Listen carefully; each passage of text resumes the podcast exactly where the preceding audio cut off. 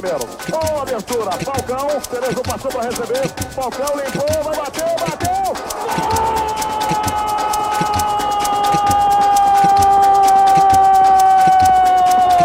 Gol! Brasil!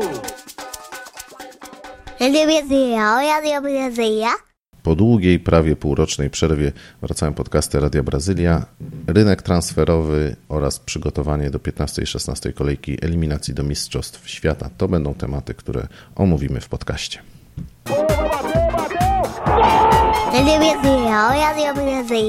Zaczynamy od okienka transferowego, bo oczywiście najważniejsza wiadomość świata. Najdrożsi piłkarze to Brazylijczycy. Brazylia się cieszy. Neymar 222 miliony. Coutinho około 160. Czekamy na potwierdzenie tej sumy. Neymar odchodzi z Barcelony do Paris Saint-Germain. Z kolei z Liverpoolu do Barcelony przechodzi Coutinho. Przyszedł także Paulinho za 40 milionów euro, suma od czapki zupełnie. Barcelona wypożycza Douglasa. Być może odejdzie też Rafinha, czekamy na potwierdzenie ewentualnego odejścia do Ligi Włoskiej. Innymi słowy, spory ruch wśród Brazylijczyków skupionych wokół tych tradycyjnie bardzo lubiących brazylijskich futbolistów, klubów, czyli PSG i Barcelony. Zacznijmy od Neymara, bo jego przejście za 222 miliony przez kilka tygodni spędzało sens powiek komentatorom, specjalistom.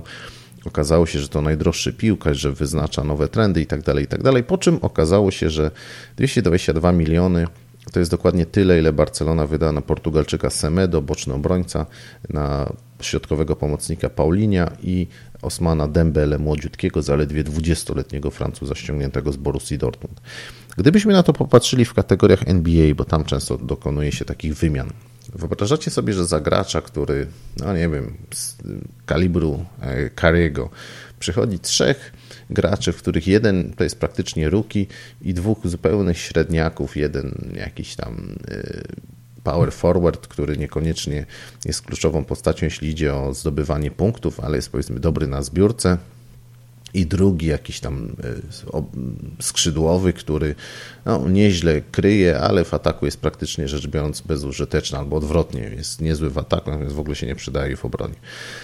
Trudno sobie taką sytuację wyobrazić, raczej przyjęlibyśmy to za słaby interes, bo nie chodzi o ilość zawodników, ale o ich jakość. W przypadku tego, co zrobiła Barcelona, najpierw wydawało się, że zyskali fortunę za brazylijskiego piłkarza, jednego z lepszych napastników świata, a potem okazało się, że ta fortuna idzie z jednej strony na utalentowanego Dembele. Co do tego nie mam cienia wątpliwości, uważam, że to jest naprawdę perła i bardzo duży talent, ale piłkarz nie na już, nie na ten sezon, może za dwa, może za trzy. A w przypadku pozostałych dwóch, Semedo to jest bardzo dobry piłkarz, ale wiemy o tym, że Barcelona nie jest klubem, który szuka bardzo dobrych piłkarzy, tylko szuka piłkarzy wybitnych, znakomitych, fantastycznych, dlatego że Barcelona jest teamem składającym się z piłkarzy o najwyższych kwalifikacjach taktyczno-technicznych. Czy Semedo takim futbolistą jest? Ja nie jestem do końca przekonany. Uważam, że jest bardzo dobrym piłkarzem, ale też Znowu, wydaje mi się, że to nie jest piłkarz na ten sezon. Może w przyszłym to już będzie pełnoprawna postać, to będzie taki piłkarz jak Dani Alves, daj mu Boże. Natomiast w przypadku Paulinia moje zdanie znacie, już były wpisy na ten temat, nie dwa i nie trzy. Uważam, że skorzystała na tym przede wszystkim reprezentacja Brazylii, bowiem na rok przed mundialem piłkarz trafia do Barcelony, cenne doświadczenie w najlepszej lidze świata u boku Messiego, Suareza, Iniesty i tak dalej. Można tylko i wyłącznie czerpać po dwóch latach bycia zamrożonym w lidze chińskiej, po nieudanych dwóch sezonach w lidze angielskiej. Wiemy o tym, że Paulinho tam wielkiej kariery nie zrobił. Był tam średniakiem, żadnych laurów nie, nie zyskał, nie zyskał uznania. Raczej Tottenham szczęśliwy wypchnął go do tej ligi chińskiej. On też przeszczęśliwy podpisał umowę w wieku 27 lat. Wydawało się, że tak naprawdę wypada na aut światowego futbolu, a tu proszę bardzo wraca do Barcelony. Z perspektywy zawodnika super. Z perspektywy chińskiego klubu, który rzekomo dostał 40 milionów euro, ja nie jestem do końca przekonany, czy rzeczywiście tak było, też świetnie. Z perspektywy selekcjonera reprezentacji Brazylii, brawo, bo piłkarz zyskuje, tak jak mówię, cenne otrzaskanie, Liga Mistrzów, rywalizacja z Realem, z Barceloną w lidze, z Atletico Madryt, przepraszam, z Walencją i tak dalej, i tak dalej. Tylko i wyłącznie pozazdrościć. No i jeszcze jedna ważna rzecz. W związku z odejściem Neymara przychodzi Coutinho. Jeśli się potwierdzi suma 160 milionów euro, oczywiście zdajemy sobie sprawę, że jest to suma od czapki i Suma nieoznaczająca faktycznej wartości tego piłkarza, skądinąd świetnego futbolistę, jednego z najlepszych w Premier League. Na pewno znowu ciekawe doświadczenie, znowu praca z Messim, Suarezem, e, u ciekawego trenera Ernesto Valverde, tylko i wyłącznie może wpłynąć na rozwój. Podobnie jak w przypadku Paulinia, tak i w przypadku Filipe Coutinho. W kontekście mundialu super sprawa. Już pisałem też wcześniej o tym, że także przyjście Neymara którego zaangażowanie wymagało ściągnięcia z Juventusu Daniego Alvisa, spowoduje, że ruszy się też to całe bractwo brazylijskie w Paris Saint-Germain, które tradycyjnie Brazylijczyków lubi. Mamy Marquinhosa, mamy Thiago Silva, mamy Lucasa. Myślę, że to będzie poruszenie, ale więcej. To będzie w ogóle oznaczało wzmożenie zainteresowania ligą francuską wśród e, sztabu trenera Ciciego, która to liga tradycyjnie była tak trochę po macoszemu traktowana. Wiemy o tym, że odkąd nastał Dunga, teraz Chichi, ten, e, to główne zainteresowanie przede wszystkim dotyczy e, dwóch kluczowych lig, czyli angielskiej i hiszpańskiej, z naciskiem na ligę angielską, w mniejszym stopniu Bundesliga, w mniejszym stopniu Liga Włoska, tradycyjnie zawsze najmocniej reprezentowana w reprezentacji Brazylii, a ta Liga Francuska gdzieś tam była w trzeciej kategorii, w czwartej Liga w ogóle portugalska, rosyjska, ukraińska i tak dalej. W każdym razie myślę, że w związku z y, rywalizacją PSG Monaco zwróci uwagę Cici również na piłkarzy grających w zespole z księstwa. Przede wszystkim na świetnego Fabinia, prawa obrona i defensywny pomocnik. O ile na prawej obronie Brazylia, podobnie jak i na lewej, ma klęskę urodzaju, o tyle wśród defensywnych pomocników przydałby się ktoś taki. Wiemy o tym, że Fernandinho z y, drużyny Manchesteru City ma już 32 lata, młodszy nie będzie. Siłą rzeczy trzeba myśleć o tym, czy on rzeczywiście dotrwa w wysokiej formie do mundialu. Mimo, że grał przecież u Guardioli i na pewno przygotowanie y, fizyczne zawodników jest perfekt. No jest Casemiro, być może w tej chwili najlepszy defensywny pomocnik na świecie. No ale przydałby się ktoś jeszcze w odwodzie. No i Fabinho to jest właśnie taka opcja, więc szczególnie warto by się było przyglądać jego dyspozycji. Tym bardziej, że to Monaco pod portugalskim trenerem Leonardo Jardimem tych Brazylijczyków lubi. Zresztą Monaco i Paris Saint-Germain zawsze Brazylijczyków lubiło, zawsze tam dobrzy brazylijscy piłkarze się pojawiali. Wracamy jednak do piłkarzy brazylijskich, którzy zmieniają kluby. Otóż chciałem yy, zwrócić uwagę na Douglasa. Douglas, mili Państwo, dwa lata temu szydziliśmy z tego transferu, nie, bynajmniej nie z winy piłkarza, tylko to raczej działacze Barcelony strzelili sobie w nogę płacąc 6 milionów euro za rzekomo prawego obrońcę, chociaż wiemy, że to był prawy pomocnik. Nie jego winą to było, ale zyskał cenne doświadczenie. Oczywiście zderzenie z Barceloną było szokiem. Zgodnie z przewidywaniami on kompletnie nie odpalił w sezonie 2015-2016. I zgodnie z przewidywaniami Barcelona, nie mogąc się go pozbyć, wypożyczyła go. Trafił do Sportingu Chichon, gdzie wiemy o tym, że całkiem nieźle się odnalazł, dlatego że wrócił na swoją nominalną pozycję, a że jest graczem szybkim, a że potrafi kiwać, no to dał sobie radę. I teraz co się dzieje? Wiadomo, że do Barcelony już nie wróci, ale wypożycza go Benfica. Moim skromnym zdaniem bardzo dobry ruch Benfiki. Nie dlatego, że Douglas przychodzi jako postać znana. Wiemy o tym, że Benfica ma trochę ten taki kompleks hiszpańskich klubów i zawsze jak wyciąga tych piłkarzy z Ligi Hiszpańskiej, to oni są bardzo mocno przewartościowani.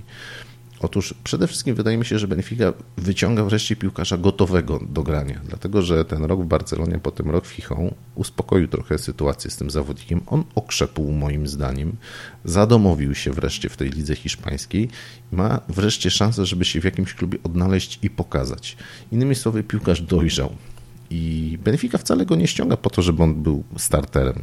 Benfica gra w lidze o mistrzostwo, gra w pucharze, o puchar, gra w pucharze ligi, gra w lidze mistrzów. Benfica zawsze gra o sukces. W związku z tym potrzebuje na każdej pozycji mieć dwóch zawodników i on będzie drugim. Wydaje mi się, że z racji jego doświadczeń faktycznie to przymierzanie go do tej y, prawej obrony, której przypomnę, on nie jest prawym obrońcą, może to jest jednak jakieś doświadczenie, zważywszy na fakt, że Benfica przecież Andre Almeida z defensywnego pomocnika sobie przerobiła na prawego obrońcę. Więc wydaje mi się, że y, jako zawodnik, który może dublować i prawego pomocnika, i prawego obrońcę, Douglas całkiem sporo meczów może w zespole z Lizbony zagrać. Oczywiście, znowu, bez nastawienia, że to jest as, bez nastawienia, że to jest gwiazdor, bez spiny, zupełnie na luzie, po prostu przychodzi zawodowiec, pograć, pokopać z cennymi doświadczeniami. Myślę, że możemy być zaskoczeni tym, jak Douglas całkiem nieźle gra w piłkę. Nie jest to piłkarz wybitny, powtarzam, ale całkiem niezły. Natomiast y, wracam do tego, o czym pisałem dwa lata temu. Tak naprawdę to Douglasa dwa lata temu powinien był kupić Sporting Chichon jeśli on by się sprawdził, a moim zdaniem on w takim klubie jak Sporting Chichon by się sprawdził, to powinna drugim klubem być w jego karierze Benfica. Jeśli tam by się sprawdził, to klubem numer 3, co już wątpię szczerze powiedziawszy, byłaby Barcelona. Nie odwrotnie. A tak naprawdę Barcelona zrobiła moim zdaniem całkiem nieźlą niezłą przybodówkę komuś, kto ostatecznie wykupi kontrakt Douglasa, bo nie mam wątpliwości, że za rok ten piłkarz będzie już na tyle cenny, że będzie można go za parę milionów euro kupić. I nawet gdyby to była Legia Warszawa, to takiego piłkarza myślę, że można byłoby śmiało Legii po, polecić, dlatego że on ze względu na swoje brazylijsko, portugalsko, hiszpańskie doświadczenia, dobry poziom wyszkolenia technicznego, po prostu w naszej ekstraklasie byłby znakomitym piłkarzem. I wcale sobie nie żartuję.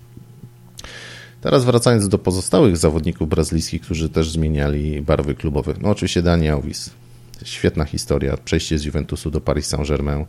Już był dogadany ponoć z Manchesterem City. Już mówiło się, że chce zakończyć karierę u Guardioli, że to będzie dwuletni kontrakt, ostatnie dwa sezony, tralala. Paryż chcąc kupić Neymara, musiał tutaj przeprowadzić całą wielką operację stworzenia brazylijskiej rodziny. Wiemy o tym, że Neymar i Daniałowi są przyjaciółmi, więc, więc cała taka operacja została przeprowadzona.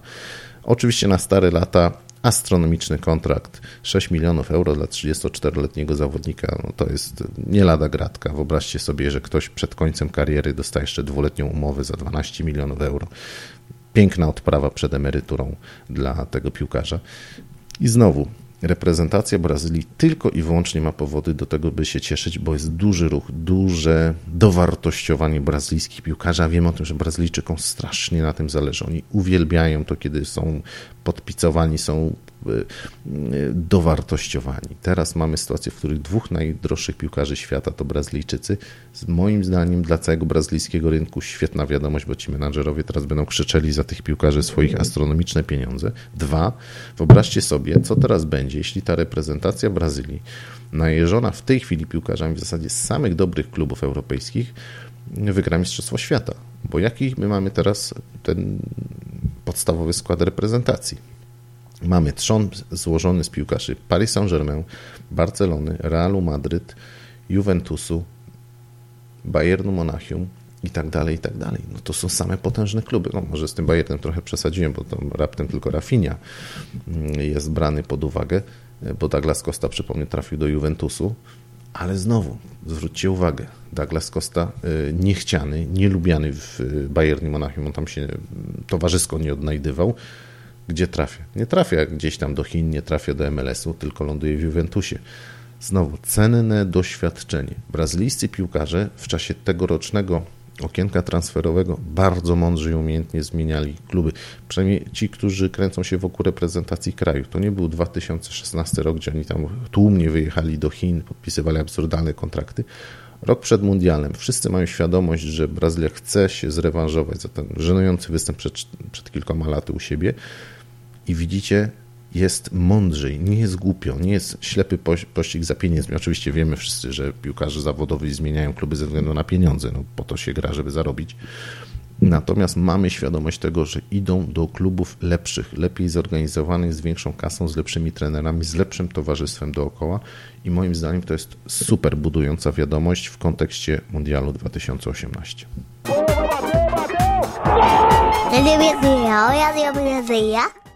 Powinienem oczywiście też powiedzieć o transferach graczy argentyńskich, urugwajskich i innych, ale tutaj było zdecydowanie mniej zamieszania. Żaden z wielkich Argentyńczyków teraz e, klubu nie zmieniał. W zasadzie jedyne wielkie wydarzenie związane z argentyńską piłką to jest to, że udało się wreszcie stworzyć Superligę z 28 drużynami, niestety. Stopniowo będzie ta liga się zmniejszać, czyli spadać będą co roku cztery drużyny, wchodzić dwie i tak aż dojdziemy do 20, ale to dobrze.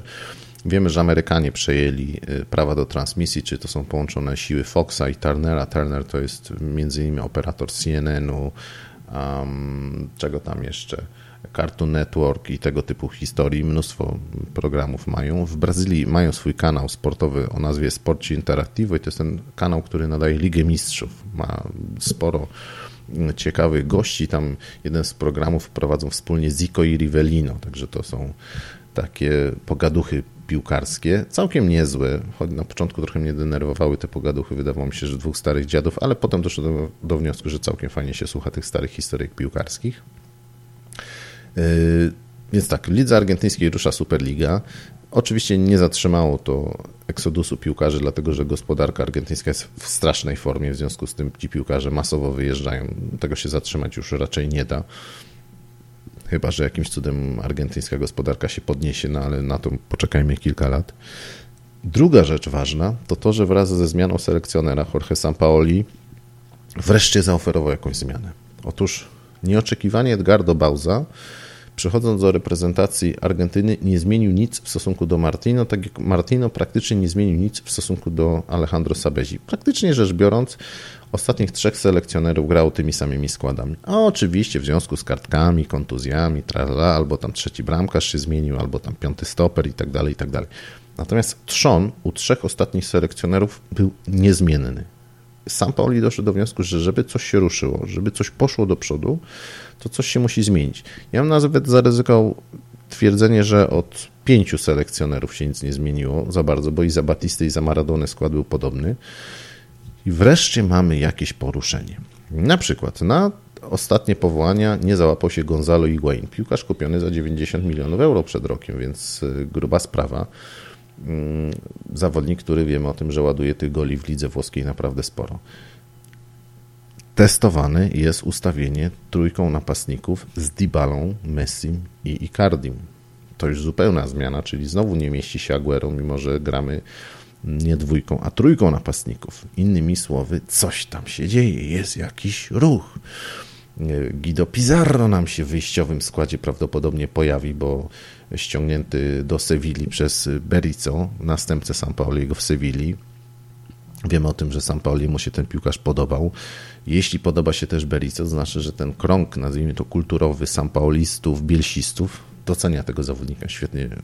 Inna sprawa, że świetnie radził sobie w lidze meksykańskiej. On jest od razu przymierzany do pierwszego składu obok Lukasa Bigli. Na flance Lautaro Costa być może się pojawi. Nie wiem, trochę to dla mnie zaskakująca informacja, ale wiemy o tym, że Lautaro Costa bardzo się podoba San Pauliego. San Pauli się z nim spotkał, niezależnie w ogóle od innych piłkarzy. To oznacza, że jest jakieś poruszenie, jest jakiś ferment. San Pauli w ogóle w związku z tym, że jest kłopot z bocznymi obrońcami, a to kontuzje, a to brak zmienników, on doszedł do wniosku, że najlepiej będzie uciąć to wszystko i przejść do grania trójką obrońców. Ale jaką?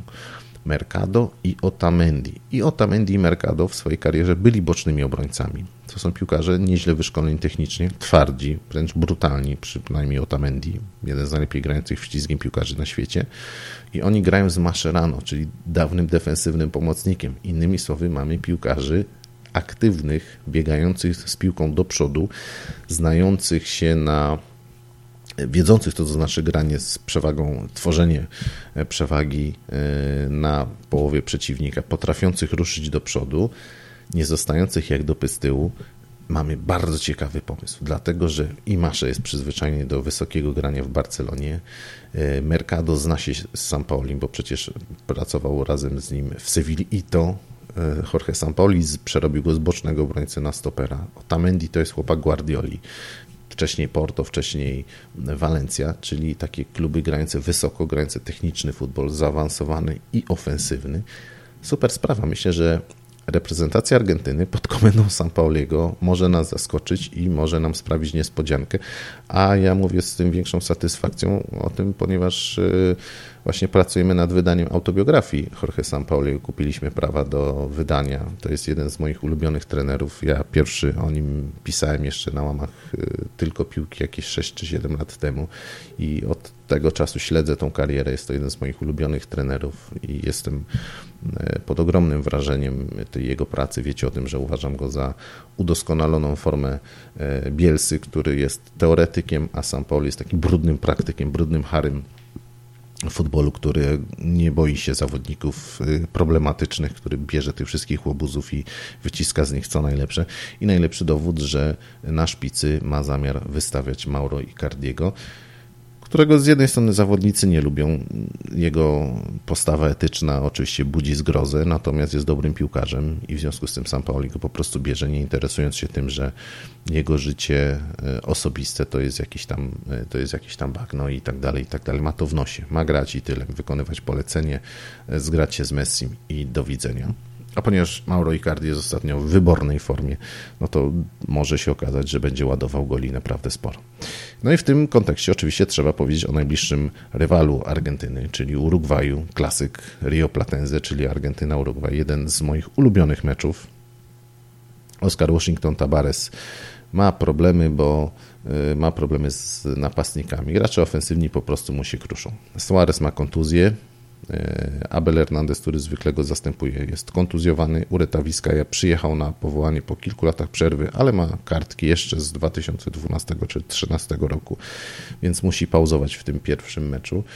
No i oczywiście były dosyć desperackie poszukiwania napastników. Szkoda, że nie załapał się młody Maximiliano Gomez, którego kupiła z defensora Sportingu Sevilla, ten chłopak, yy, przepraszam, Celta Vigo. A ten chłopak w pierwszym meczu strzelił dublet, w następnym też wpakował gola i to takie gole w stylu Suarezowym. Zresztą zrobi sobie nawet Suarezem zdjęcie, mówiąc dziękuję Ci idolu za inspirację. Aż by się prosiło, żeby taki chłopak dostał szansę zagrania właśnie y, za Suareza. Może nie w pierwszym składzie, ale przynajmniej pojawienia się na ławce rezerwowych. No ale nic, y, Urugwaj oczywiście będzie walczył o Suareza do ostatniej chwili. Wiem o tym, że Luisito dla reprezentacji jest gotów naprawdę sporo zaryzykować, także ponowienie kontuzji. Urugwaj z Gastonem Pereiro, Urugwaj z Lemosem, Urugwaj z Fede Valverde. Cóż ja wam będę mówił? No, czekało się na takie powołania. Wreszcie są ci wszyscy młodzi chłopcy. Oczywiście mamy ciągle jeszcze z tyłu głowy Jordana de Arascaete. Znowu niestety kontuzja. Kruchy jest ten chłopak. W związku z tym ciągle jeszcze powoływany jest Lodeiro, którego, na którego ja już nie mogę szczerze patrzeć. Ten piłkarz jest po prostu niespełnionym talentem, nie wypalił w żadnym poważnym klubie. I myślę, że tak jak kilka lat temu liczyliśmy, że to będzie kariera, tak po prostu y, tej kariery żadnej wielkiej Nico Lodeiro już nie zrobi i takie powoływanie go za każdym razem no wręcz jest czymś dla mnie upiornym. Tak samo jak kolejne powołanie dla Cebuli Rodrigueza. No nie wiem po ilu kontuzjach jeszcze i w jakiej dyspozycji musiały być Cebula Rodriguez, żeby nie dostać powołania. I przyznam się Wam szczerze, że z jednej strony życzę Urugwajowi awansu do mundialu. Fajnie by było, gdyby ten Urugwaj fajnie zagrał, ale z drugiej strony już się nie mogę doczekać przyjścia nowego selekcjonera, który by części tej, tego towarzystwa po prostu podziękował, żeby wpuścił nowych ludzi, Doceniam to, że jest Pereiro, doceniam, że jest Nandes, doceniam, że jest Valverde, doceniam, że jest Lemos, ale myślę, że już najwyższa pora, żeby hurtem pojawili się gracze z roczników 90 i, i, i młodsi, bo mają na pewno Urugwajczycy w tej grupie piłkarzy e, wielu solidnych zawodników, których warto byłoby po prostu zobaczyć.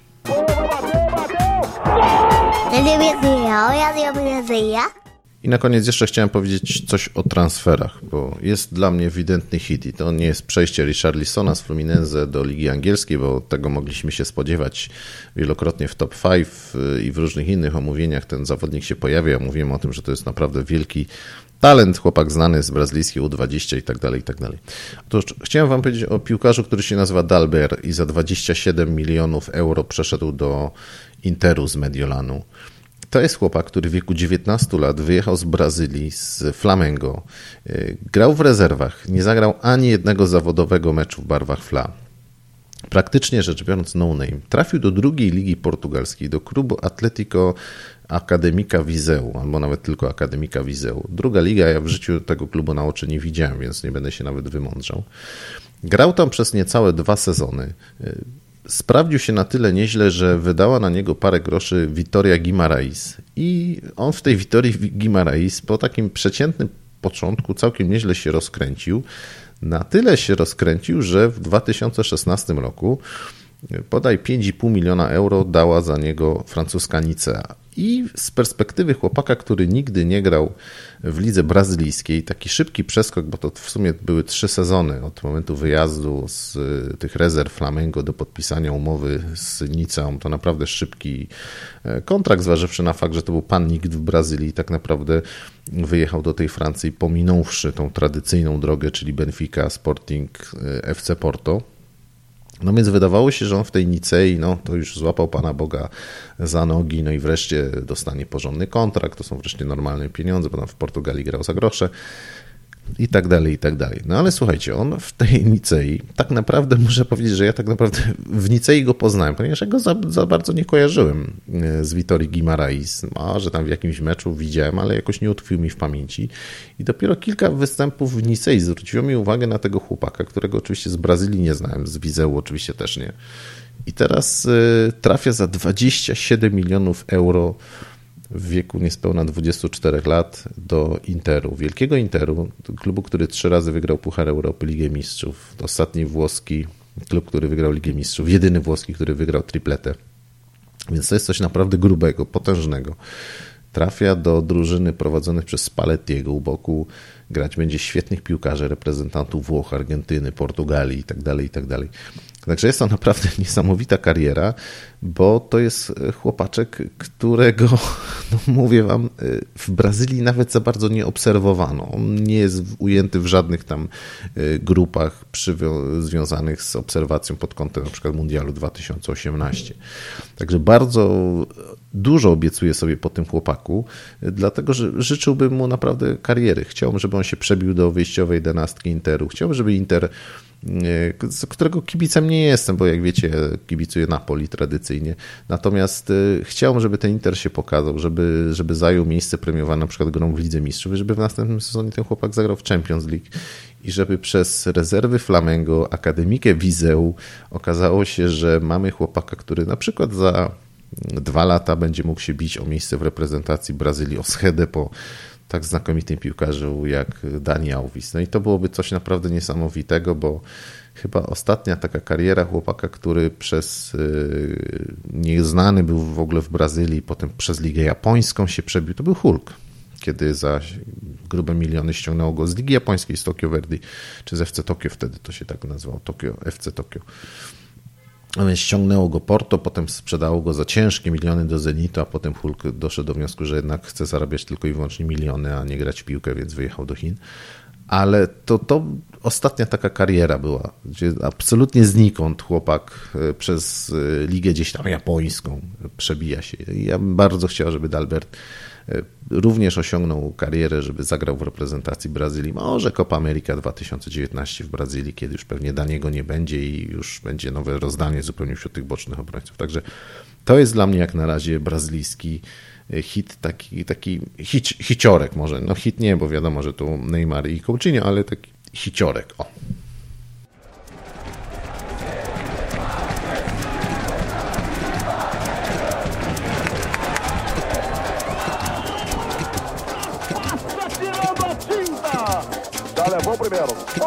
abertura. Falcão. Cerezo passou para receber. Falcão limpou. Vai bater. Bateu.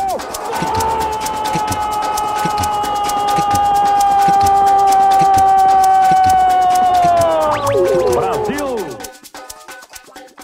Ele me dizia, olha, ele me dizia.